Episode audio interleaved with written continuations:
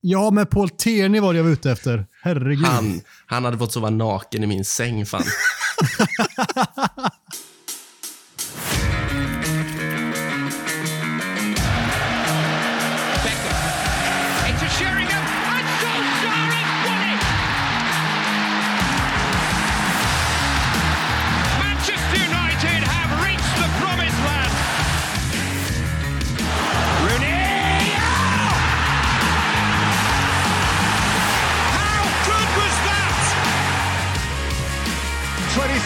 play. Scholes! Unbelievable! Unbelievable! Paul Scholes has stolen it for Manchester United! Towards Rashford! There's nothing Old Trafford loves more than that!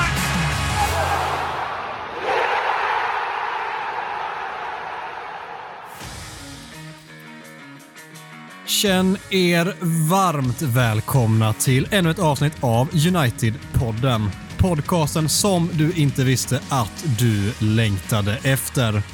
United-podden görs i ett stolt samarbete med både den officiella supporterklubben MUS och United-redaktionen på Svenska fans.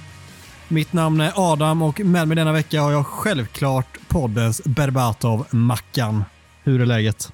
Jag blir alltid lika glad när du kallar mig för poddens Berbatov. Så eh, nu är läget genast mycket bättre. Direkt här. Jag vet ju det. Jag vet ju det. Det kan finnas en anledning till att jag väljer att slänga in det lite för ofta. Ja, men nu, eh, nu är humöret är på topp nu. Jag mår, jag mår utmärkt. Du nämnde till och med innan avsnittet här att uh, du var riktigt taggad. Det har jag nog aldrig hört dig säga innan. Nej, lägg av. Men, eh, ja, men jag vet inte vad det är. Jag känner mig, jag känner mig på topp idag. Det, Det härligt. spritter i kroppen på Mackan. Fasen vad fint. Micke, du är tillbaka i hetluften. Allt gött med dig? Ja, det känns fantastiskt gött, men jag är faktiskt lite avundsjuk på att jag aldrig får någon fin benämning av dig, Adam. Det, du får faktiskt börja, börja leta fram det nu. För att Ja, men det, du har ju försökt lyfta upp att du ska vara poddens Beckham och jag vägrar ge dig den. du har aldrig sett min högerfot. Den är, den är brutal på, på liggande boll. Men jag har sett din frisyr. Ja, den är inte nära Becks. Jag måste göra hårtransplantationer nu, för fan. Det börjar bli kris. Nej, Skämt åsido, vi har ju lovat att du ska få diskutera Beckham och alla hans frisyrer och dina frisyrer i något avsnitt här, så vi kanske ska ta närma oss det snart. Ja, det är drömläge. Då kan jag bli lika taggad som Mackan är. Jag är inte riktigt där än, känner jag, men jag är på väg. Det kommer. Hur är läget med dig, Adam? Då? Ja, oj, fick jag den frågan? Det har nog aldrig Ja. hänt. Eh, det är bra tack, faktiskt. Jag eh, mår, eller faktiskt och faktiskt, men jag har inget att klaga på. Det är väl dumt att leta efter något att klaga på också, tänker jag. Det som vissa andra gör, eller vad, vad tänker du då? Nej, jag syftar inte på någon i den här podden i alla fall. Istället för att eh, hoppa i stålbadet och återigen konstatera haveriet så har vi faktiskt fått in från säkra källor från en veteran på Svenska fans-redaktionen som vid sidan av att kränga svindyr diesel också specialiserat sig på att eh, på nära håll bevaka Uniteds julfester. Därifrån har vi fått in uppgifter om Uniteds julfest som vi istället för att återge väljer att spekulera vilt kring. Micke, det här är eh, en gubbe som du har stenkoll på som har, vad ska man säga, tryckt in det här segmentet i eh, början på veckans avsnitt. Ja, äh, men Kalle är ju ruggig idéspruta och eh, vi kände väl att den här inte riktigt platsade på Talk of the Town-segmentet. Eh, så äh, men det var jag kan ju bekräfta att det är precis det Kalle sysslar med. Det var en korrekt bild du har fått in där. Och, ja, jag är inte jätteöverraskad, för jag har hört att han ligger utanför de här festerna med, med olika teleobjektiv och, och liksom, eh, dokumenterar allt från A till Ö. Men Ja, jag är ju sjukt nyfiken på vad, vad, vad han har liksom fått fram här från, från den senaste julfesten. Ja, vi har ju, han börjar ställa en fråga vem vi tror i eh, truppen brände störst del av lönen på nyårsraketer. Jag tror Mackan har koll på det. Han känns som den mest pyrotekniska i den här podden. Vem har Ja. eh, smälla smällare-aura eh, mer än någon annan i United-truppen?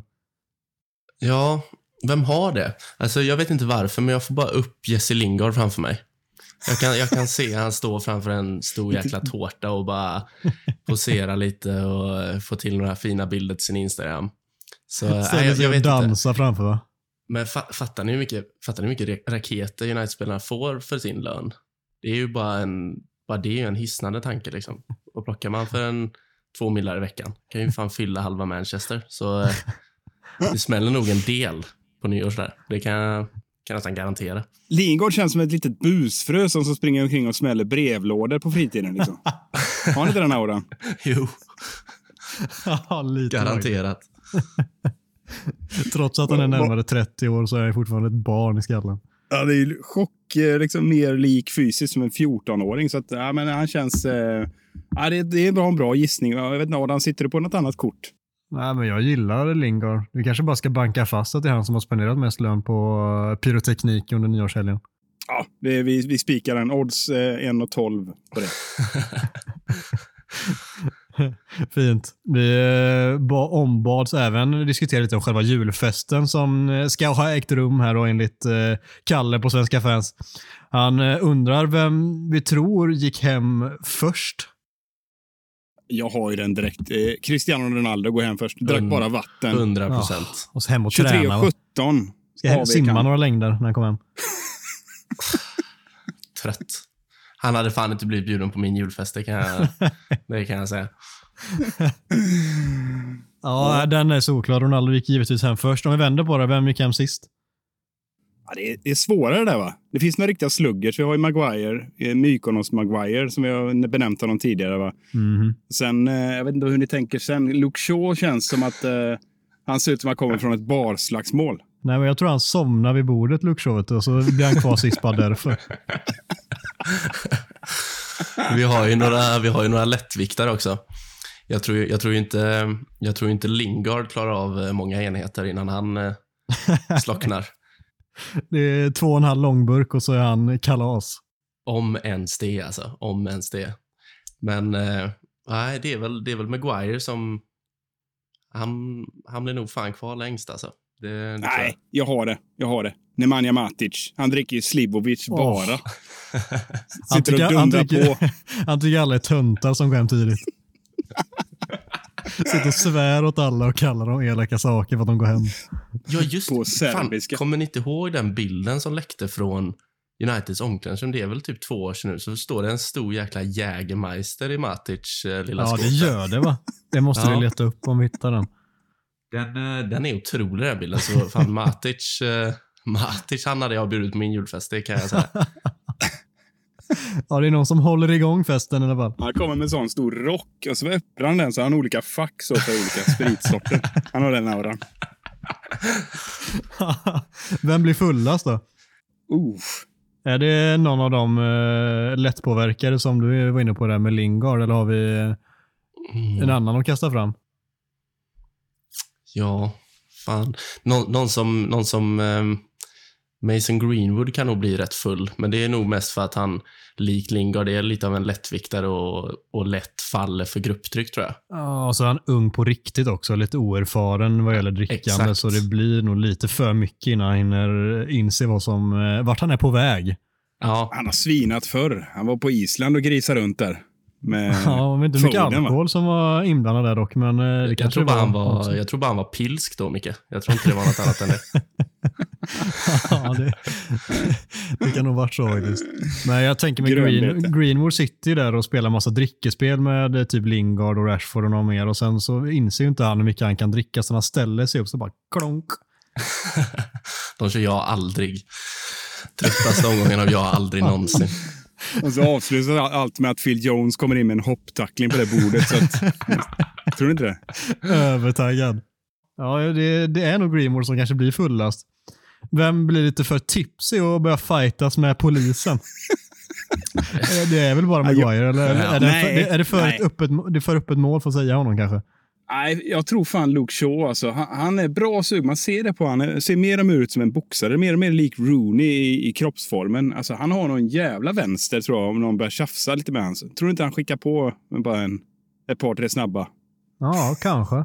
Annars tänker jag Bruno Fernandes har ju ett jäkla temperament också när det går emot honom. Han kanske ja, hamnar i någon jobbig situation, torskar något, någon tävling liksom på festen och så går han ut och så kommer någon polis där som börjar tjafsa med honom och någonting. Det, det kan nog bli jobbigt för Bruno då.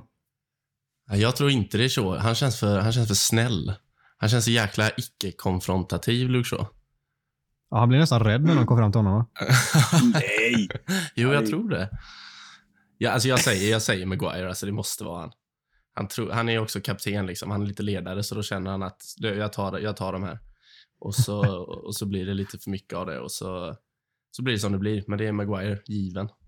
Han har ju eh, tidigare haft lite problem med auktoriteter som vi vet eh, som bekant. Så att, eh, det är väl ingen, det är ingen, det är ingen chock att han eh, ställer sig ganska nära och med sin fulla längd och, och gärna liksom eh, talar om vem det är som bestämmer.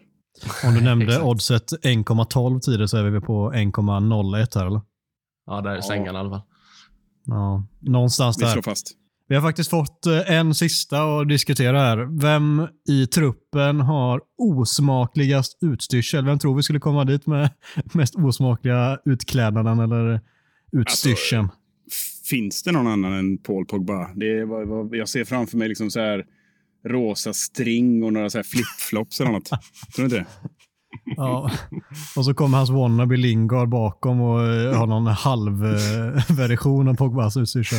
Ja, Har ni sett imitationen när, när Lingard imiterar Pogba framför Pogba på, något, på gymmet? Tror jag. Det är hysteriskt jävla kul. Nu ser vi kan leta upp det där klippet och lägga upp sen. För det, det, Pogba viker sig av garv när han liksom på det där jävla släpiga, liksom, lite hiphoppiga stilen liksom, eh, går in som en tupp mer eller mindre. Ja, det är sjukt kul.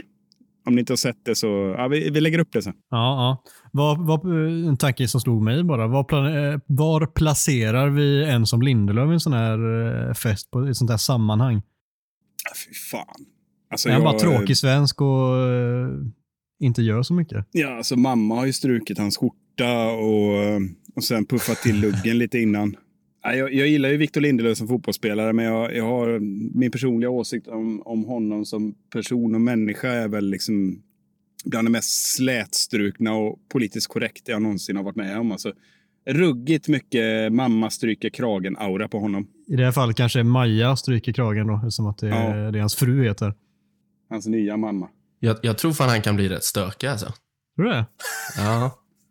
Jag tror att han kan bli lite som en sån eh, som alltid fanns när man var yngre, som tystlåten och lite i bakgrunden när, eh, innan festen. Men sen, eh, sen tre shottar in, då jäklar. Då ska han upp på bordet och eh, dansa lite och... Nej, jag tror han, jag tror han kan bli rätt stökig faktiskt. Han kör slipsen runt pannan eller? ja, exakt, exakt. Nej, men det tror jag.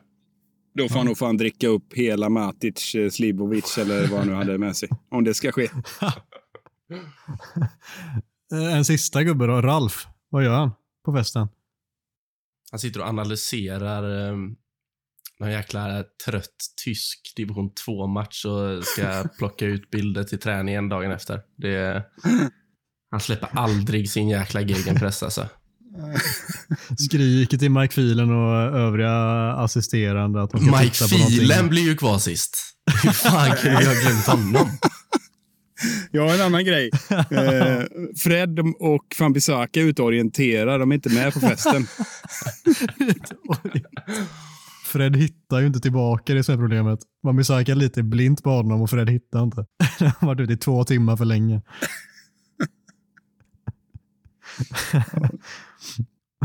Ja, har ni någon mer spel ni vill diskutera eller ska vi stänga igen det här kapitlet av avsnittet? Eh, nej, nej det, vi känns, det känns rätt klart. De andra spelarna som inte har nämnts har väl inte nämnts av en anledning, tänker jag.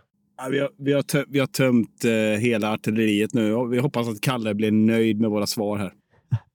Det hoppas vi. vi. Jag tycker i alla fall att vi slår fast, som Mackan sa tidigare, att Mike Phelan sitter ju självklart fa- alltså kvar längst med sina shorts.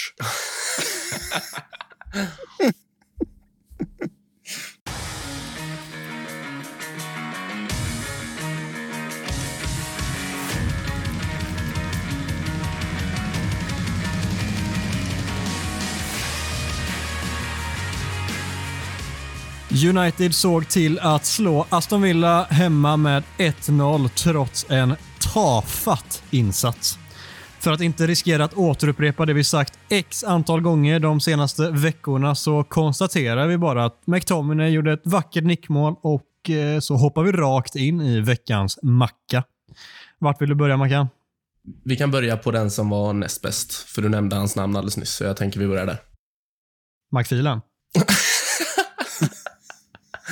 Bara för den bilden som florerar på Twitter. Så var Ja. Ruggigt stark insats. Ja. Vad fin den är. Nej, nej, skämt åsido. Vem väljer du? Nej, det- blir, det blir målskytten som får, eh, som får andra, andra platsen eh, efter sin insats. Jag tycker att han... eh, Jag skulle säga att hela första halvlek egentligen är, är, ja, den är bra från McTominay. Sen alltså, jag vet inte, han påverkas ju såklart av resten av lagets insats också, men det är inte jättemycket vasst i den andra halvleken, vilket i, alltså innebär att jag inte tycker att han var bäst. Men eh, återigen en, en solid insats skulle jag väl säga från Scott. Mm, mm. Ja. Varför känns det som att man har förträngt uh, insatsen från den här matchen? Jag är ett blank i skallen. Jag minns knappt någonting han gjorde förutom målet. Men ja, det, han är säkert rätt. Vi, vi sätter han där. Jag tycker han var eh, riktigt bra och liksom tillbaka lite grann på, på insatsen som, eh, som han hade mot Burnley där. Eh, för det var ju lite tydligt. Det kändes som att han, han hade liksom, det kändes som att han var ute på, ja, ni vet, så här längdskid, eh, längdskidspass och så tryckte han på ordentligt där i stakningen och fått upp farten eh, som ett jävla expresståg. Och så tänkte jag, nu kommer han bara fortsätta så här. Och mot Wolves, så vet inte fan vad som hände. Då försökte han hoppa åt sidan i de här spåren och köra någon slags fristil och bara ramla ihop i en plockepinnhög. Men han verkade hoppa tillbaka i spåret igen. Jag tycker jag ser ändå en... Jag var väl månadens spelare och så vidare. Jag ser ändå en röd tråd i Scotts utveckling nu. Och eh, må vara hänt att eh, Wolves åt upp vårt mittfält eh, och han försökte vara lite överkreativ där. Eh, lite hybris verkar det som. Men jag tycker han var tillbaka i, i den utvecklingen som eh, i alla fall jag har noterat. Så eh, jag har inga invändningar. Jag skulle nästan eh, nära höja honom en, ännu ett snäpp högre, men håller med dig ändå. Det, han var klart näst bäst. Vem får första platsen? Det får vår franska fina, fina mittback Rafael Varane. Jag tycker att han, alltså försvaret är, försvaret är fortfarande lite svajigt, men det, så fort han spelar så känns det lite lugnare. Jag tror att vi hade kunnat sätta in vem som helst bredvid honom och så, hade jag, så ser man bara honom så känner man sig lite lugnare. Och mot Aston Villa tycker jag att han gör alltså nästan allting eh, väldigt lugnt och säkert och bra. Eh, och ja, han- alltså han sprider ett lugn i laget som jag inte tycker att någon annan egentligen gör. Eh, så ja, jag tycker att han var bäst. Mm, jag håller med dig. Han är eh, framförallt sån i ett kollektivt försvar som inte fungerar. Så hans individuella briljans räddar upp så många situationer. Dels att han är väldigt snabb, men också att han är... Eh, alltså han vinner nästan allting en mot en också. Eh, vinner mycket i luften också. Ja, jag köper att eh, man kan sätta honom som etta. Jag skulle nog göra detsamma också faktiskt. Jag har så svårt att komma på alla insatser, men det, därav är det väl glasklart att han blir etta. Då. Han eh, står för en bra insats och det är viktigt att han håller sig hel nu framöver. Ja, men jag, jag håller helt med, det, även om jag tycker det är ganska jämnt mellan honom och McTomtenisse. Eh, Men, eh, men eh, Varan är ju van, det du är inne på Adam, är ju helt riktigt eh, som jag också uppfattar. Han är van att spela i Real Madrid bredvid Ramos som gärna kliver upp i planen och eh, ah, det är mycket individuellt försvarsspel i, ett- i, ett, i ett sånt lag. Och visst, nu kommer han till United, haft lite otur med skador och sådär, men eh, det är lite liknande just nu att det krävs eh, starka individuella prestationer för att det där försvaret ska hålla ihop. För det finns ju ingen tydlig linje, vilket vi har sagt elva gånger nu. Så att eh, jag tycker hans egenskaper passar perfekt i ett ganska, som du säger, stormigt försvar. När hans lugn kommer väl till pass. Och sen det sista jag skulle säga är egentligen att eh, det är en sån här spelare som, som inte märks så mycket. Ungefär som en bra domare. Eh, och, men ändå så gör han så oerhört mycket nytta som man inte ser. Och visst, han ser fortfarande lite, lite rostig ut när han får bollen i, i press. Och, och det är väl eh, säkerligen någonting som kommer bli bättre. Men jag är helt enig med att han, eh, han är jäkligt bra, en hög högsta nivå. Eller lägsta, lägsta nivå, har förmodligen högsta nivå också. Men, men eh, jag tror att det är bara början vi har sett nu. Ja, en spelare med vad är det, fyra Champions League, så en- ett VM-guld på kontot har väl en hyfsad hög högsta nivå. Mm. Får vi slå fast. Nej, men jättebra mm, bra spelare och en, en bra insats eh, mot Aston Villa. Han ska givetvis starta till helgen när vi möter dem igen. Och Förhoppningsvis så hittar vi en partner som funkar bra med honom, för han är ju givetvis det första valet i backlinjen bland mittbackarna. Och, ja, ja, Lin- hans kollega Lindlöf gjorde ingen, inget eh, starkt case nu senast. Absolut går det alltså liksom, vad säger man, ursäkta med att han var tillbaka efter eh, covid och sjukdom och sådär, men det, det är synd att vi inte just nu idag har två stycken mer eh, trygga mittbackar. Jag tror att det hade skänkt också ett helt annat lugn till övriga laget om man kände att de reder ut eh, det allra, allra mesta bakom oss. Ja, Mm. och man eh, jag håller med om Lindelöf. Man- Jag tyckte jag såg i hans ögon att han var lite skakig. Det var inte samma glöd som man brukar ha. Och jag eh, måste säga att jag eh, utvärderar inte hans insats över tid bara för den här matchen. Han gjorde det okej. liksom. Ja, ja, nej, han gjorde det inte bra, men eh, man ska inte dra för stora växlar av det. Jag tror att det inte alls vore fel att spela honom och varann ihop igen mot Aston Villa för att få lite kontinuitet. Två spelare som ändå, liksom, man får spela ihop några också. Det har hafsar runt med massa olika alternativ så är det klart att det också påverkar insatserna i slutändan. Så mm, jag hoppas att Ralf nu kan välja ett mittbackspar oavsett vad han väljer och att de får lite tid ihop att eh, sätta sig. Enig. Ja du Mackan, du ska få såga någon också. Vem behöver höja sig mest i denna United 11? Eller ja, du kanske väljer en inhoppare i och för sig, men jag gissar att det är en som startade. Eh, ja, alltså det, det går väl inte att säga någon annan än Marcus Rashford just nu. Och Speciellt om man kollar på den insatsen. Jag, jag vill inte prata för mycket om det. Jag vet att vi kommer ta upp det sen. Men det summeras väl egentligen av att Elanga hotar mer på 10 minuter än vad han gör under 85 minuter. Och Han får ju Anthony Martial att se ut som Jisung Park just nu, så jag vet inte. Ja, höj dig. Höj dig, Marcus. Ja, ja, vi kan nog bara stanna där, för som du hintar om så kommer vi prata lite om honom ganska snart. Och då breder vi ut oss mer i resonemangen. Men eh, det är väl inget annat att säga. Mikael, tycker du att någon annan var nära hans nivå i eh, svaghet i den här insatsen? Nej, jag tycker det, det Mackan säger. Elangas eh, inhopp eh, överglänste eh, med råge. Och eh, Det räcker egentligen att titta på för att förstå insatser, Digniteten på insatsen eh, minspelet när han zoomas in där ihop med Bruno på bänken.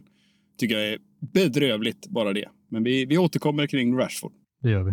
Har ni något mer ni vill diskutera om matchen? Vi gjorde ju nästan mål på en fast situation. Det var ju så här ändå andra vågen. Det, det tar vi nästan, eller? Med tanke på hur icke bortskämda vi är med fasta mål på fasta Det är variant.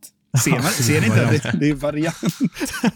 Det är ju, det är Eric ju vår Ramsey fasta geni. situationstränare Erik Ramsey, precis som uh, har övat in denna med laget nu. Äntligen får han visa sin eh, framsida. Men, men jag tycker faktiskt det finns något i det där. Alltså, ja, det är ingen variant, men alltså att någon kommer och möter för att ge en bättre vinkel på själva inlägget. Alltså det känns ju som att det oftast blir farligare då, eller? Eller är det bara min känsla? Ja, alltså till Barcelona, ett bra exempel. Eh, det var principfast. Liksom. De skrev in det i, i sten. Liksom. Vi, vi slår inga hörner. De hade Carlos Biol som, som eh, kunde vinna nickduell mot alla på, den- på den eh, gamla goda tiden, pepptiden. Liksom. Men ja, jag tänker så här, precis som City eh, också gjorde för några säsonger sedan, också bara korthörner. Slå korthörner tills eh, vi får ordning på det. Så, eh, för det finns ingen anledning att hålla på och piska in de här hörnorna som inte ger någonting. Eller slå den på första, blint eh, för skarv eller någonting. Men alltså det, det bevisligen de här sista 99 eller 105 eller vad det nu vi har slagit utan resultat. Det, det, har, ju, det har inte funkat. Så testa något annat så länge då. Mm, mm. Spela ut den lite och ta ett inlägg från en annan vinkel. eh, vilket det här målet kommer från en annan vinkel. Det var ju slumpartat med att den kom dit den gjorde, men det är fortfarande därifrån som vi kommer till läget och McTominay får komma upp i boxen och skarva ner den i hörnet. Det, ja, det är skönt. Vi pratade ju om det, om det var förra eller förra, förra veckan, att vi måste få mer gratismål på fasta situationer. Och även om vi inte får det på en fast situation så är det ändå liksom i kölvattnet av en fast situation detta och vi får ett typ av gratismål i en situation av matchen där det, det är ganska jämnt där och då, men i slutändan är det det som gör att vi vinner matchen. Vi måste få mer sådana här mål under våren för att eh, hänga med hela vägen och slåss om Champions League-platsen och diverse pokaler. Fy fan vad skönt det var med ett tidigt mål också. Äntligen. Mm, mm. Och, eh, ja, det är synd att det inte kan flyta på sen bara därifrån. Det, det blir bara sådär hackigt som vi har sett det senast. Man tänker alltså ett tidigt mål kanske kan ge lite självförtroende. Vi börjar skapa en målchans. Det kanske trycker ner Aston Villa ännu mer ihop med att publiken hjälper till. Men det kommer inte riktigt den där skjutsen alltså. Nej. Nej. Jag, jag, jag, tycker bara, jag tycker bara vi stannar där och konstaterar att Gerard åkte ur FA-cupen och så gläds vi lite extra åt det. Och så det var det vidare. bästa ändå. Ja, det var, Mm. det var fan det bästa.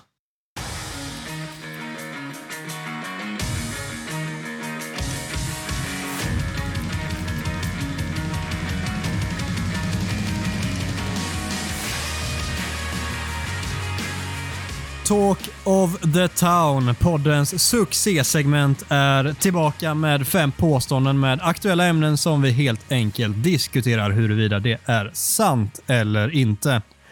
Det första är just Marcus Rashford som vi lobbade nyligen för att vi kommer prata om och det lyder så här. Rashford är på väg att utvecklas till en ny Danny Welbeck. Ja, nu kanske jag är ute på minerad mark. Det är ju lite som att kritisera Moder Teresa här. Liksom. Det är ju samma jämförelse, samma dignitet. på Ja, ta det väldigt försiktigt nu Micke.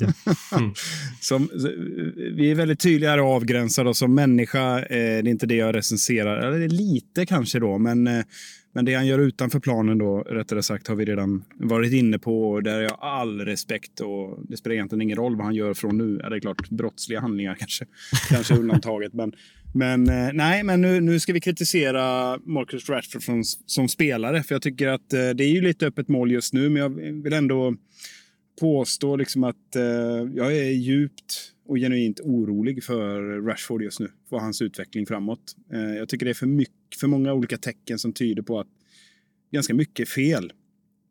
Och det kan man ju klura lite på. Jag är inte psykolog, men det är inte bara prestationerna på planen upplever jag. Jag tror att det är andra saker också, utan att veta. Mm. Han ser inte ut att må bra alls. Eh, och det är klart att det har mycket att göra med att han inte levererar. Han har höga krav på sig själv och han har varit skadad. Det vet vi allihopa. Så att det är också ett öppet mål. Men han borde vara fulltränad nu rent fysiskt, tänker jag. Det är många veckor han har kunnat lägga ner här eh, med, med eh, fysträning och spelat en hel del eh, sen han kom tillbaka. Eh, gjort två mål och en assist. Det är väl helt okej, liksom. Men eh, jag tycker han ser ut som man ska jämföra med, jämföra med en bil. Ser han ut som en Ferrari utan en manuellt växlad Ferrari utan koppling. Det går jävligt fort, men det går ryckigt och det, det studsar och, och ser väldigt håglöst ut. Bollen vill inte ligga på foten utan eh, och det, det är konstiga beslut och ingen timing med lagkamrater. Och nu jag ska titta på och gå tillbaka egentligen till, till Aston Villa-matchen så tycker jag den, den sa ganska mycket. Eh, kroppsspråket och minspelet mot lagkamrater, eh, mot publik. Eh, han sprang runt i en egen liten bubbla. Eh, var inte beredd på en retur som såg lite halvfarlig ut. Eh, Stod bara och var irriterad att han inte fick bollen. Eh, och de här sidorna av Rashford har man ju inte riktigt sett, tycker inte jag. Det är klart att han har varit lite sur och, och sådär, men det här är något annat. Eh, och jag förstår ju att han är frustrerad. Men eh, även om det inte stämmer på planen så måste han upp med sin inställning och det är rejält. Det är inte okej att se ut som ett jävla åskväder eh, konstant. Det, det gynnar inte någon och det påverkar ju truppens eh, stämning också efter, eftersom han är en så pass viktig egentligen informell ledare. Och, och för att och avrunda här och komma in på jämförelse med Danny Welbeck då, som är ändå härligt att vi, vi lyfter upp här om en eh, kanske lite elak vinkel. Så jämfört med honom och tittar man liksom på på siffrorna då. Jag har roat mig med det och göra lite Excel-sheets. här. Jag vet att Gustav älskar det. Eh, kommer säkert uppskatta det här och också kritisera eftersom jag inte använt punkt eh, utan använt kommatecken istället. här. Nej, men skämt åsido så har jag kikat lite på, på Welbecks säsonger i United och eh, på Rashfords säsonger hittills. Så, eh, Rashford har gjort klart mer mål naturligtvis. Det här är olika siffror, Premier League-matcher och, och kanske sammanslaget med andra matcher. Men 286 matcher, 91 mål på Rashford. Ett målsnitt på 0,32. Eh, Welbeck presterade, enligt de siffrorna jag har, kan eh, behöva faktakollas. På 144 matcher gjorde han 29 mål i ett snitt på 0,20. Och det är klart att det är ju eh, fördel Rashford där, men eh, Welbeck hade ju också eh, otur med skador, eh, ska sägas. Och han hade en jäkla konkurrens som eh, vi måste komma ihåg. Som eh, inte var alldeles lätt och, i början på eh, slutet 00, början på 10-talet där. Så, eh, och han var inte lastgammal när han skeppades till Arsenal heller. Så jag skulle säga att Rashford står lite grann vid ett vägskäl nu. Fortsätter den här utvecklingen i år? Att det fortsätter att se ut som det gör? Eh, så eh, vet du fan, då börjar jag bli lite orolig eh, att Rashford kan tappa sin landslagsplats och tappa momentum i United för konkurrensen är så pass hård så att som han spelar nu så bör han inte starta. Och eh, Ja, jag ska säga att jag slår inte fast att det blir en ny Welbeck, men jag är väldigt, väldigt orolig att det är på väg däråt.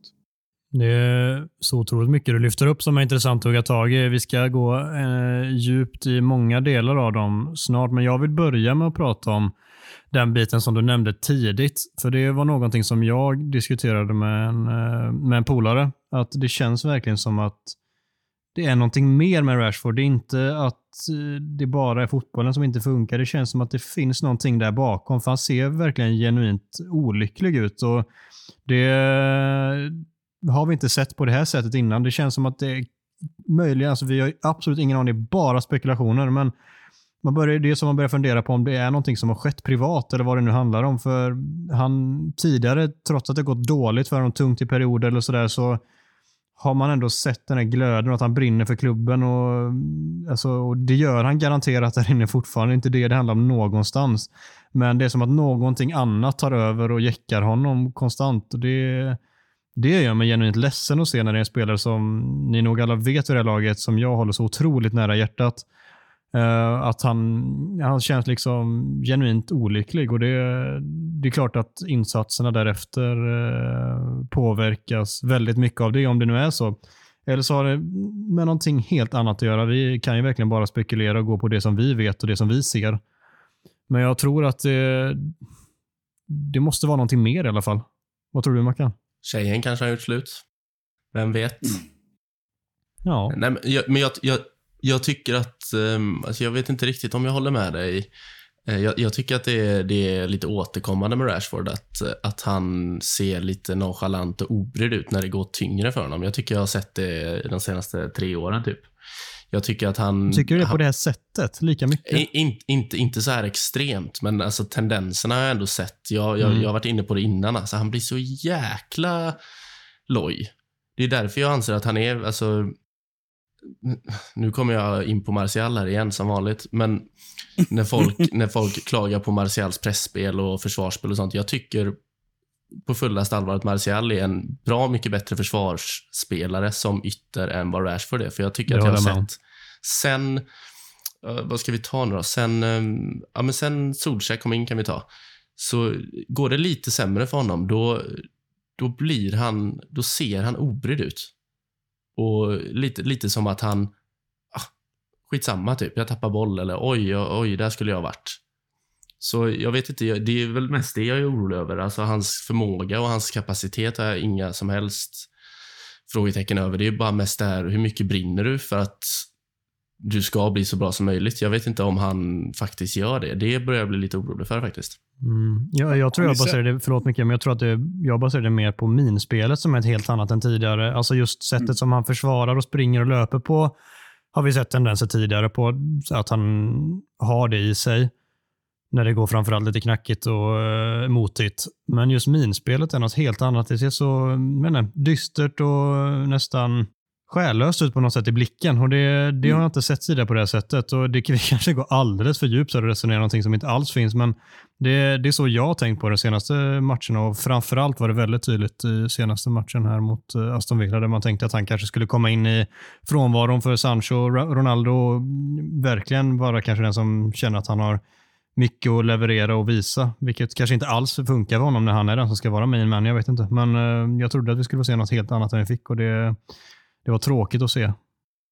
Ja, med, med, med, det sagt också, jag tror inte att han är på väg att bli en ny Welbeck. Han, har, han, är, han är en mycket bättre fotbollsspelare än vad Welbeck någonsin har varit eller kommer vara. Så eh, det tror jag inte, men eh, jag tror att han, han behöver ett mål fort som fan och han behöver han behöver komma tillbaka till det här, alltså hitta glöden igen. För nu, eh, och jag vet inte hur man gör det. Jag är ingen sportpsykolog, liksom, men Ja, det, någonting behöver hända i alla fall. Han kanske behöver tre veckor eh, bara träna och fokusera på det. Liksom.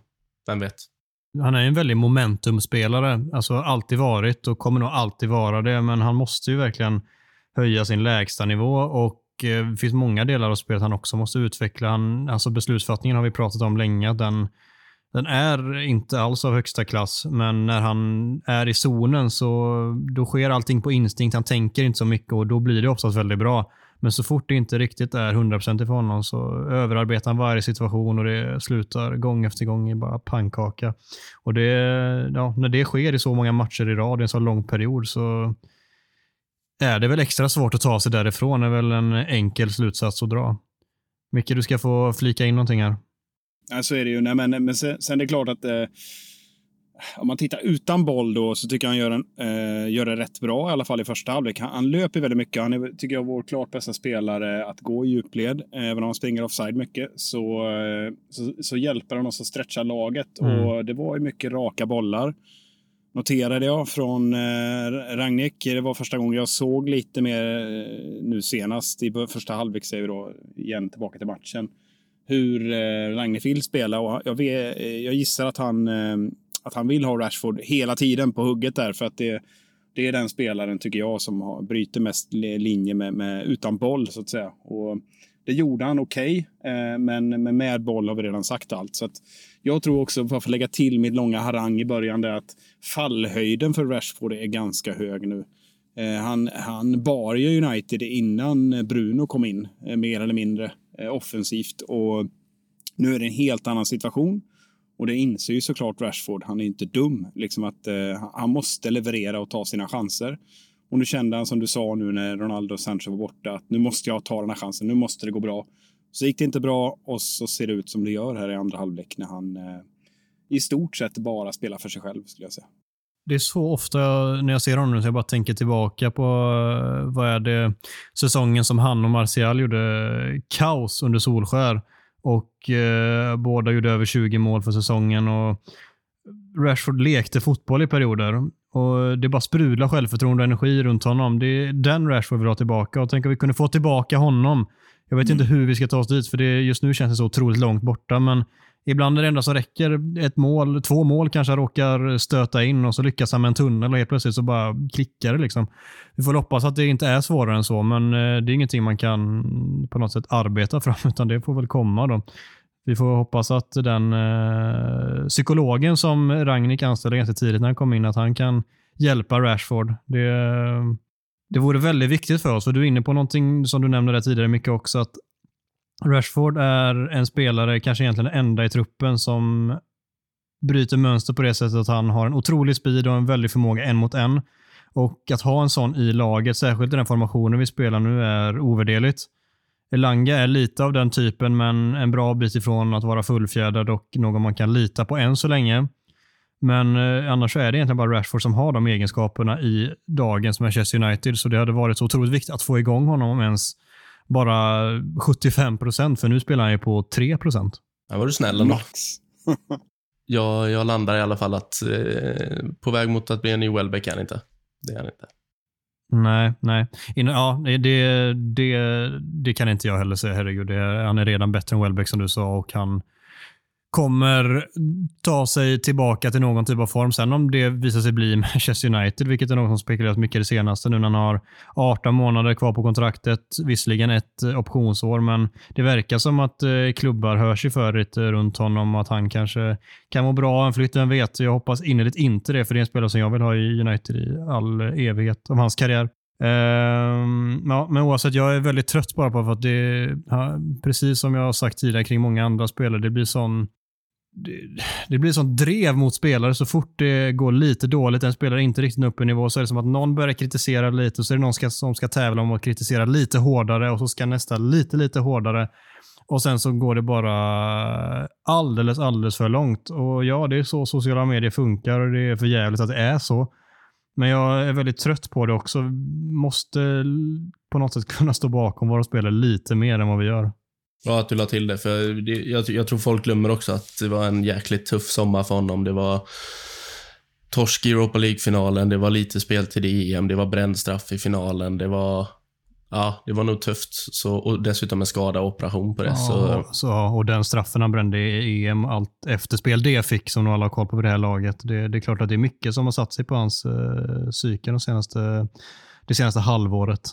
Mm. Ja, så är det absolut. Och jag, vill, eh, för jag, jag, är lite inne på ändå att vi ser en oroväckande trend. Jag vill ändå säga att jag, jag, jag kan inte slå fast nu att eh, det blir en wellback av honom. Men, eh, och jag köper hela resonemanget med hans kaosartade senaste halvår.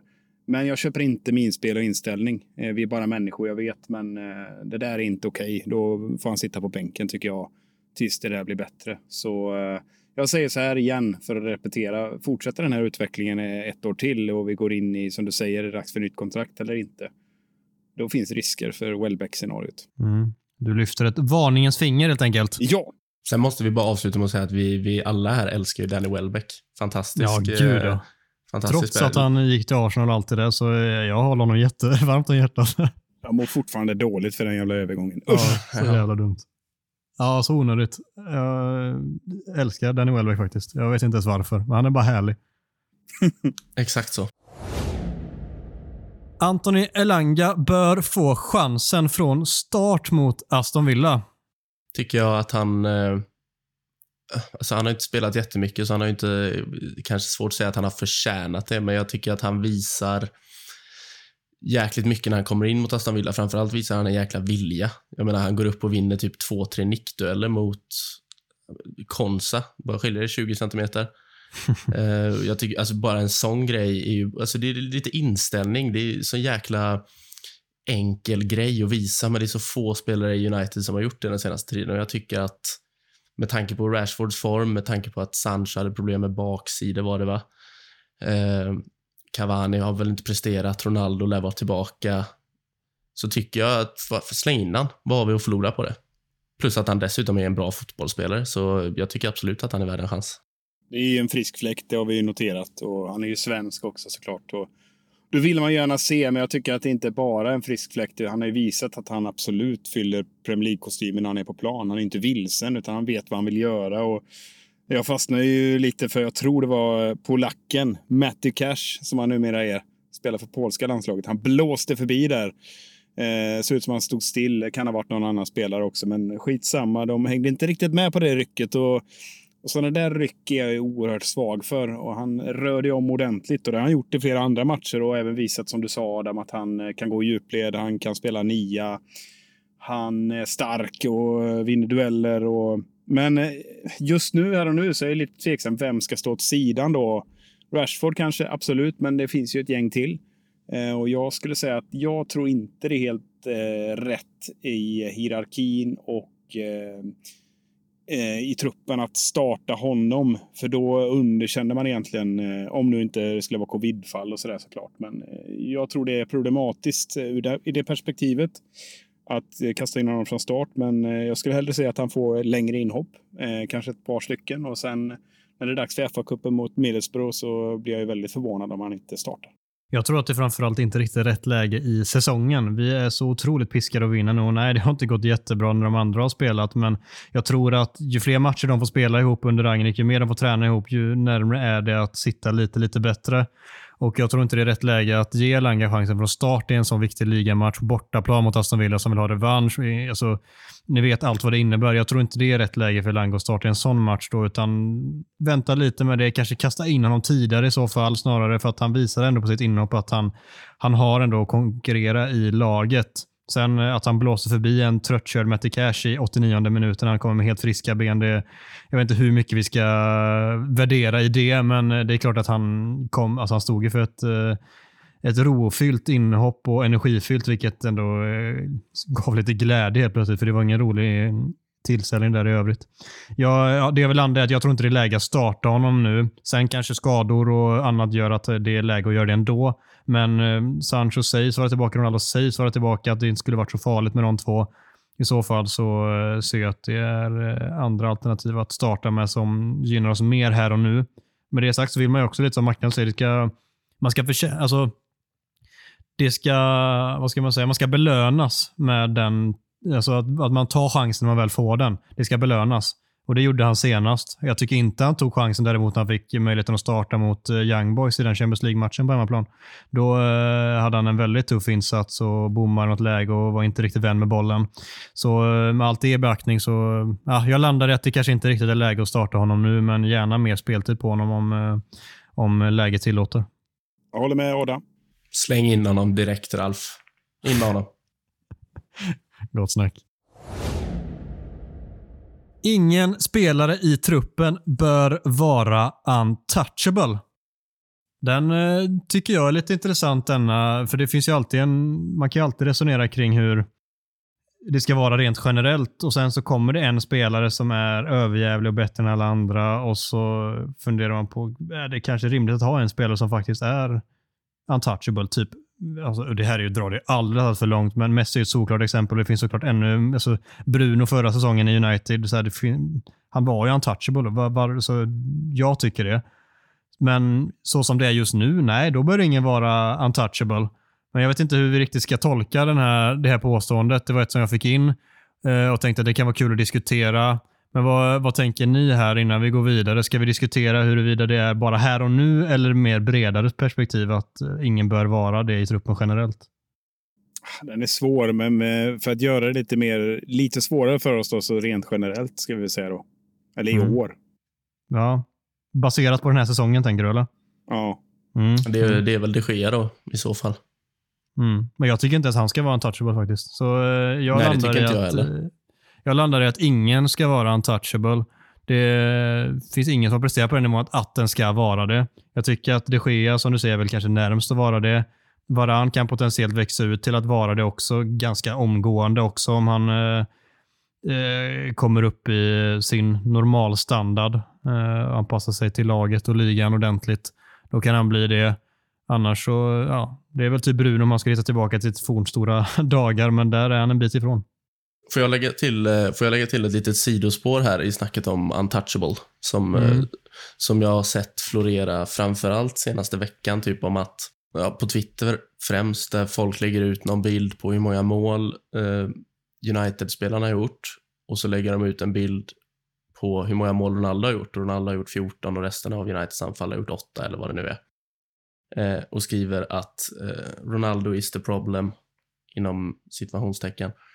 Eh, som att han skulle vara untouchable då. Men det är ju inte det jag och många med mig menar med att han är problemet. Eh, så den, alltså det argumentet för att han ska vara untouchable, det håller inte och det, det är inte det det handlar om. Han kan göra 25 mål. Det kommer fortfarande inte vara att jag anser att han är untouchable i Manchester United just nu. Eh, och med det sagt så tycker jag inte att någon i truppen i världen statusen efter den här säsongen. Det, kan, det är de Gea som är närmast då. Jag, jag håller inte alls med. Jag eh, tycker ditt resonemang inte håller, Mackan. Gör han 25 mål så finns det ju inget, inget att tveka på. Jag tycker inte det gör... Alltså nuvarande förutsättningar, eh, med, vid nuvarande form, så tycker jag det finns en handfull spelare som, är, som jag vet Ragnik eh, eh, slår fast i startelvan. Jag har svårt att se att De Gea, Bruno, Varan, McTominay, Greenwood, Ronaldo. Vem ska peta dem? Jag, jag, tycker- för mig är de gjutna i den här startelvan. Eh, om de är friska. Liksom. Och då, sen tycker jag det är öppet på, på lite fler platser, men eh, och jag, jag vill egentligen inte säga så, för vi har ett jäkligt jämnt och bra lag. Så vi, alla spelare har, skulle kunna, inte Mata då kanske, men, men eh, i stort sett alla andra skulle kunna nypa en startplats och, och konkurrera ut någon. Men jag skulle säga att det är de, de jag nämner är i, i, i rankingordning. De Gea, Bruno eh, först. Liksom, eh, de skriver man in en dag när laguppställningen ska lämnas in. Men ska, ska det vara så i ett fotbollslag? Jag tror att det måste vara så. Eh, Alla kan inte vara som Pep Guardiola som kör någon jävla tombola och drar fram Sinchenko på mittfältet helt plötsligt. Och sen är han nästa match är han inventerad målvakt eller något. Jag vet inte. Det är klart att alla, alla har ju inte riktigt den valmöjligheten. Det enorma väloljade maskineriet. Det tog ju flera år att bygga upp. Som eh, Van Dijk sa i en intervju att de har spelat ihop länge de där och eh, de är så starka och så eh, alla vet vad de ska göra. Och det är precis så det är och så är det inte i United som vi har konstaterat några gånger. Så jag tror att kontinuitet är extremt viktigt, men man ska inte heller liksom vecka ut och vecka in spela med samma lag som vi vet Solskjaer gjorde en lång, lång period. För då kommer skadorna. Eh, så är det ju. Men, men samtidigt så går det heller inte att hålla på och laborera för mycket. Vi har inte den tryggheten i vår spelidé och därför krävs det att man skruvar fast eh, vissa spelare. Så ser jag det i alla fall. Mm, jag är inte på din sida. Alltså jag tycker så här, presterar man inte så är man, då ska man inte spela. Alltså McTominay har gjort tre bra matcher typ nu de senaste fyra eller något sånt här och helt plötsligt är han untouchable för det. det. Jag köper inte det. Gör han tre dåliga matcher nu idag, då, då tycker inte jag att han ska ses som en eh, spelare som oavsett ska starta ändå. Nej, men det är klart att alla kan göra tre plattmatcher, men, men jag skulle tro att McTominay är etta nu. Det är min upplevelse i alla fall. Och det, jag, jag tror att det är bra. Jag hoppas ju att McTominay fortsätter, om vi ska prata om honom vidare, att han fortsätter att hålla den här nivån. För då, då har han alla egenskaper som krävs för att bli en legendarisk box-to-box eh, mittfältare i United. Legendarisk slänger han in till och med. Ja, det kan han bli. Om man fortsätter den här utvecklingen. För att eh, det... Han är jävligt jobbig att möta. Liksom. Det, det är ingen... Eh, vad ska man säga? Det är ingen eh, Guardiola är väl bra att ta som exempel själv när han spelade. Liksom han går inte ner djupt och hämtar boll och, och triangelpassar sig genom planen, utan en helt annan spelartyp. Men, men, men eh, jag, jag eh, vill ändå hävda med en dåres envishet att det krävs lite mer kontinuitet och det behöver United. Det har vi inte nu. Kontinuitet är jag med på, men det kan inte, man kan inte eh, köra det. Alltså, säg att nu, som Ole körde sista, han, han, han hade ju inte ändrat om Maguire hade ett ben och Rashford hade brutit kroppen. Liksom. Då hade de spelat samma med Ronaldo. Gör Hela du... torson är av. gör, gör, du, gör du tre, fyra kassa insatser som jag faktiskt, bland annat, alltså, Rashford har ju varit dålig det senaste. Jag tycker Ronaldo också har varit väldigt usel det senaste. Cavani lika så. Någonting måste ändå hända då. Det, det tycker jag, det spelar ingen roll om du heter Cristiano Ronaldo eller Scott McTominay. Det, jag, jag, jag, jag, jag håller inte med där. Det är lite som det här klassiska ordspråket som lyder ungefär så här att det är bara en dåre som gör samma sak om och om igen och förväntar sig nya resultat. Exakt. Du kan inte stånga sig blodig liksom. Det, det är ju där jag tror att eh, det, det, alltså, som sagt, det är svårt att skylla på Ragnik för de inledande insatserna, men eh, Alltså, det, är ju, det är ju väldigt eh, ologiskt att tänka att Ragnik ska få en supereffekt på laget. För han har ju fortfarande exakt samma material att jobba med och i stort sett liknande startelvor varje gång. Liksom. Så ah, jag vet inte, jag är trött på untouchable. Jag fattar att Salah är opetbar i Liverpool. Han har gjort 250 mål på 25 matcher. Liksom. Jag fattar att Messi är Messi. Och jag fattar att Neymar är Neymar. Men vi har inte Neymar, vi har inte Messi och vi har inte Salah. Vi har en 36 år gammal Ronaldo som är ganska bra på att göra mål, men inte på mycket annat. Jag måste avdramatisera. Eh, vi är inte överens här, det är tydligt, men eh, jag får bilder framför mig när Salah liksom gör 250 mål på 25 matcher. Då, då måste ju Klopp ha gått in och liksom upphöjt offsiden och så utrustat Salah med en snöskyffel så han står vid bortre stolpen och bara skyfflar in så här hockeystyrningar från eh, Mané. Ja, men, det, det är så jävla kul med de här memesen på Klopp när han oh. eh, ska upp, upp, upphäva naturlagar. Det tycker jag är sjukt kul. ja, det finns otroligt mycket att göra sig lustig över när det kommer till Klopp och det, det hatar inte vi i den här podden. det gör vi inte. ja, jag tror att det har framgått med all önskvärd tydlighet vart vi står i den här frågan. Martial, Bajy och Lingard är oviktiga i dagens trupp och bör alla lämna. Ja, alltså Martial och Lingard verkar ju enligt eh, uppgift från säkra källor, som det brukar heta, vilja lämna och då ser jag ingen anledning att hindra dem. Det har vi pratat om tidigare.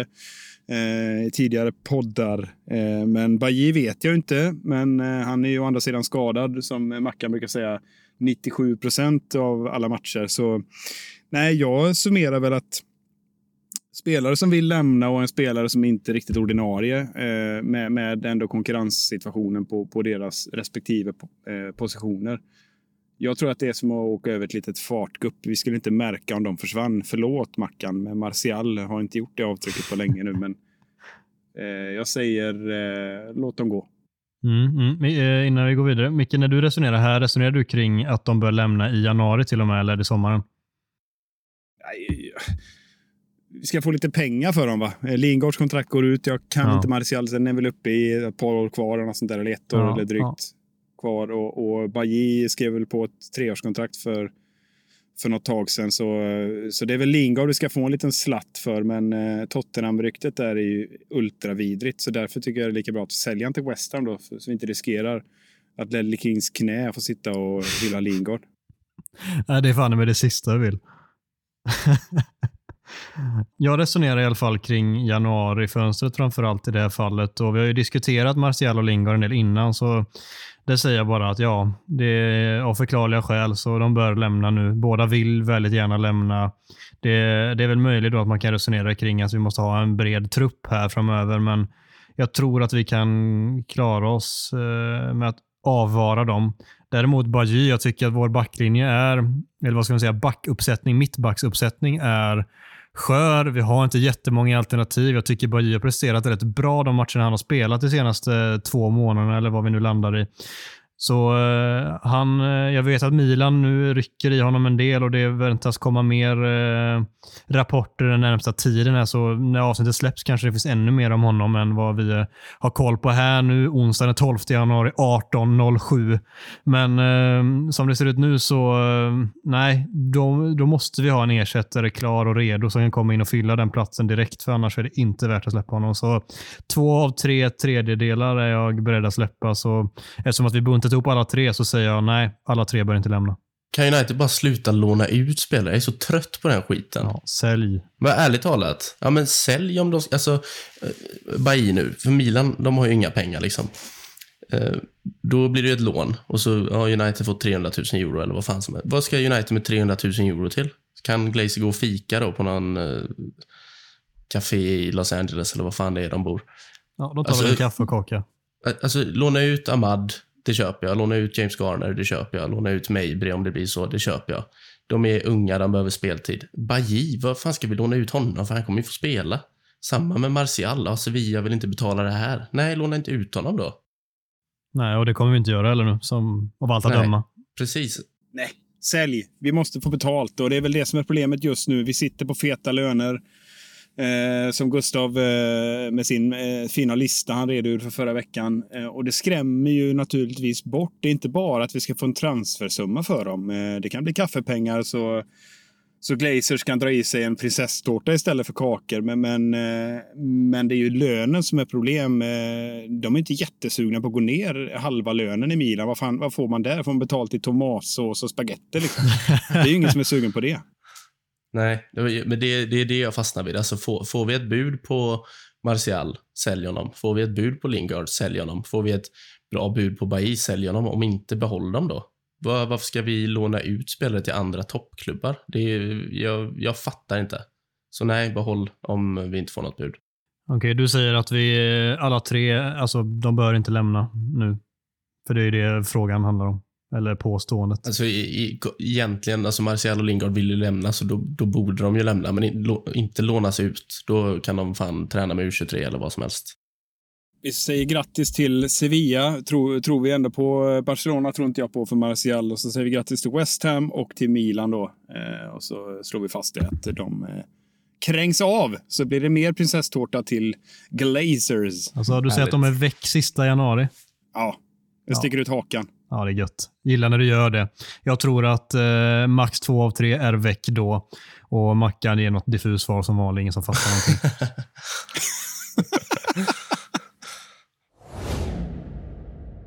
Det femte och sista påståendet är faktiskt inget påstående den här veckan, men vi fick in en väldigt bra fråga här av en eh, kär lyssnare vid namn Jonas Blomqvist.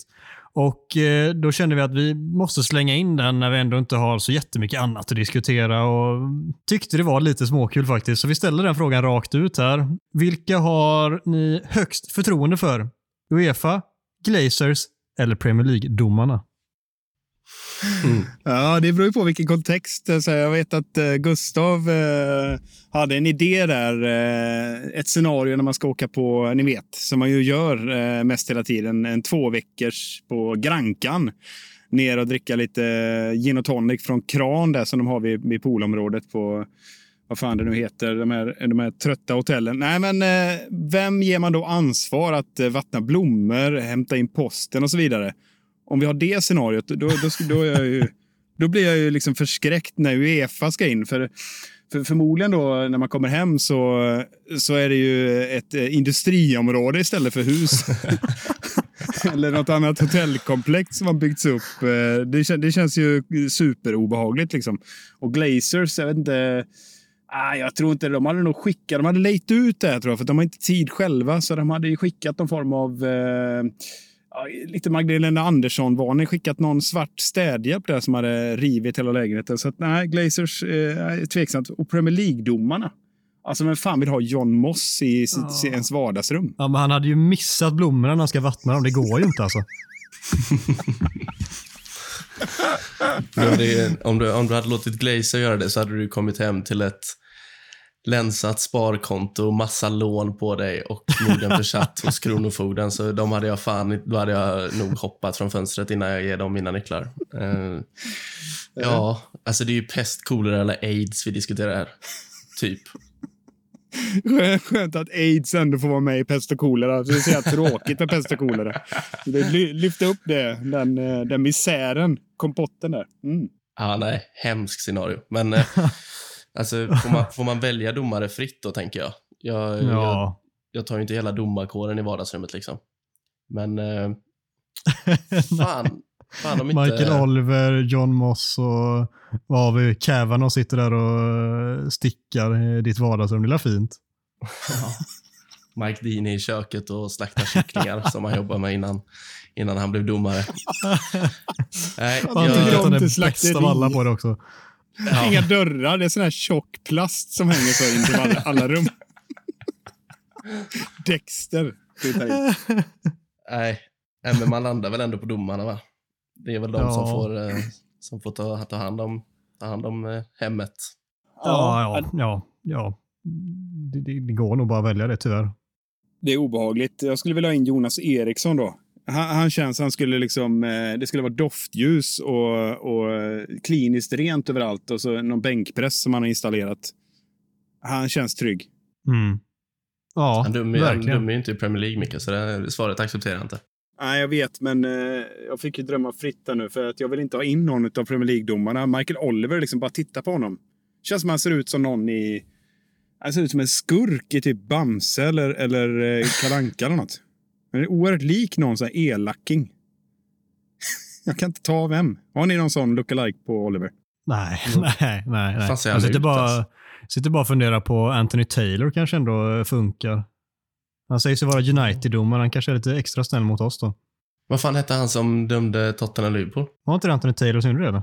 Var det det? Ja, det var det. Ja, han hade fan Nej, fått sova nej, nej, för fan, det var det inte. Det Craig inte Paul. Pawson. Nej, vi Nej. pratade ju om det här. Det här är ju ruggigt svagt Ja. eh, spekulerande av oss nu. Men Jösses, eftersom vi satt och pratade om det. Men jag, jag, jag Paul att- Tierney för fan. Paul. Ja, men Paul Tierney. Var det jag var ute efter. Herregud. Han, han hade fått sova naken i min säng fan. Då har vi slagit fast det. Vi litar bara på Paul Tierney i det här Där är sällskapet. han. Yes. Paul Tierney, vår gubbe.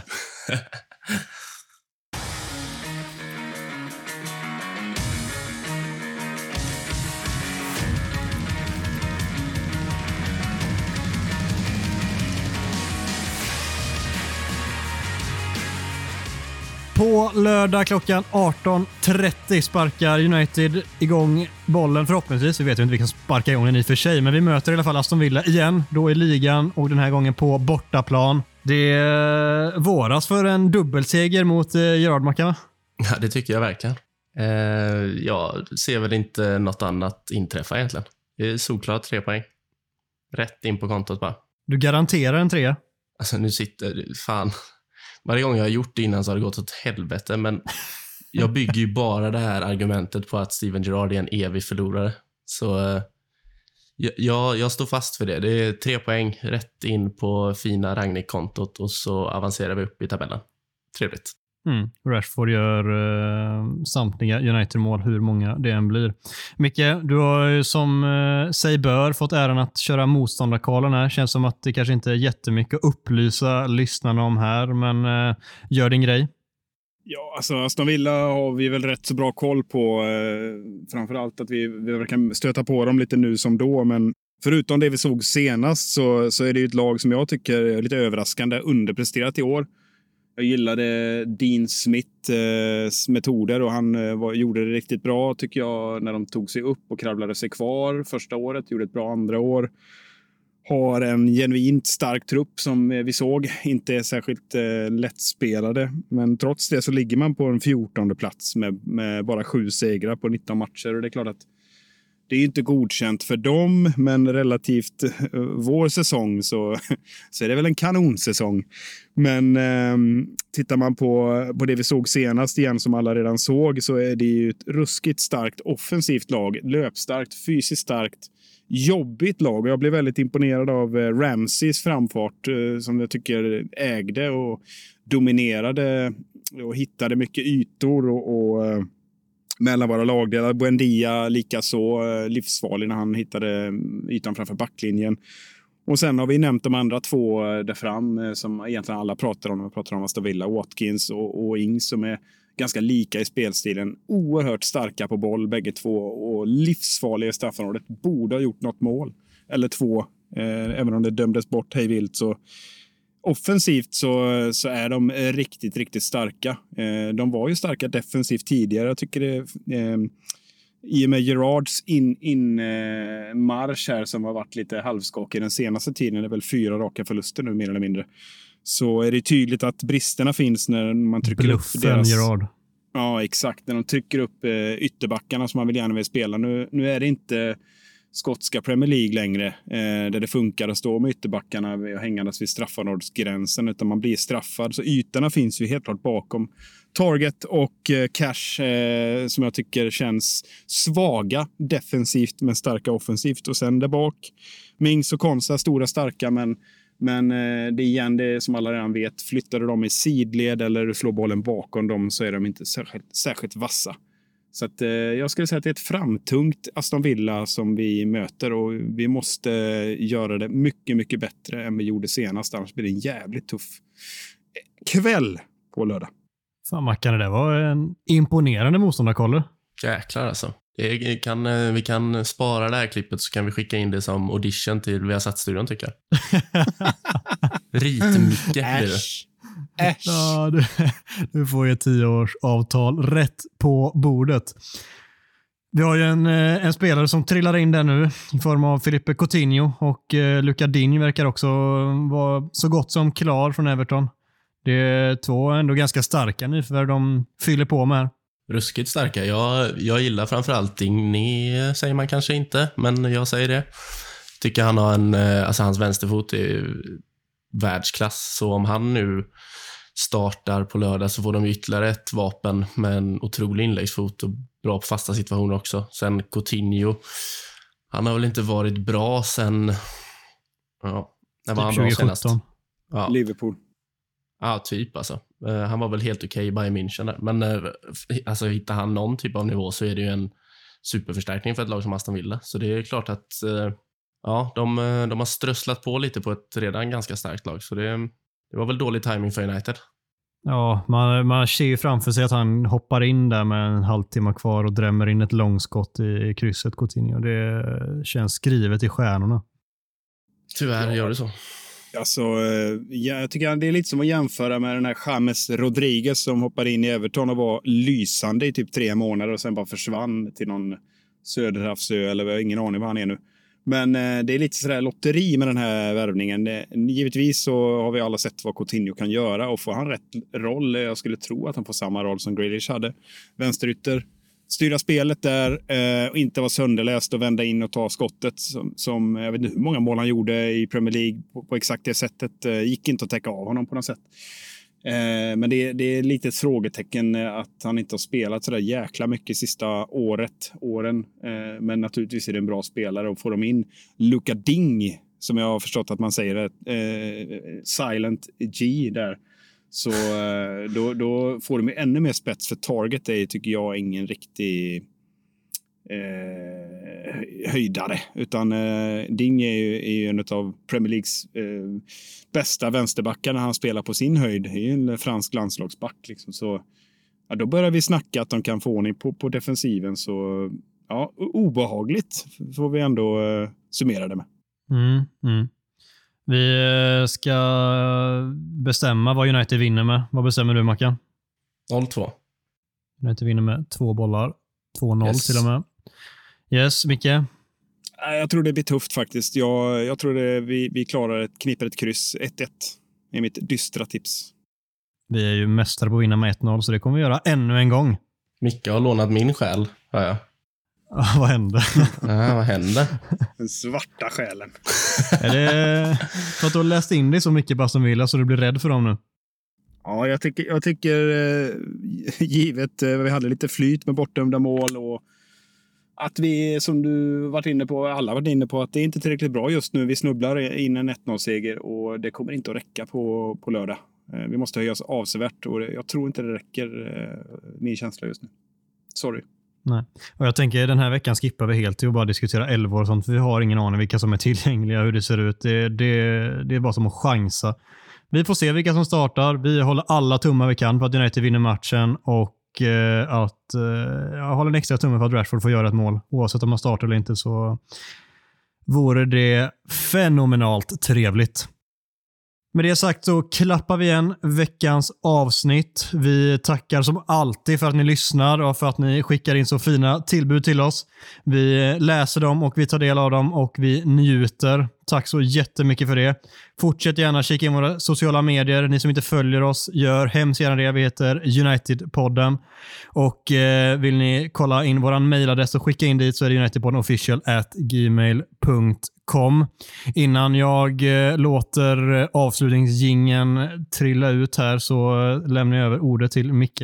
Ja, vi ska ju bara säga det att nu har ju den eminenta tävlingen rullat i mål här eh, om att kunna vinna en fantastiskt fin Paul Scholes-tröja. Eh, vid 18.00 så var det deadline och eh, i dagarna här så kommer vi att publicera eh, vinnaren, så håll utkik på Twitter för all del. Ja, precis. När ni hör detta avsnittet så ska det vara publicerat och klart vem som vann det avsnittet. Och där tackar vi såklart återigen Nakata för samarbetet. Och eh, vill ni använda koden Unitedpodden för 15% på Nakatas produkter så gäller den januari ut. Tusen tack för att ni har lyssnat. Tusen tack Micke och Mackan. Vi hörs igen nästa vecka.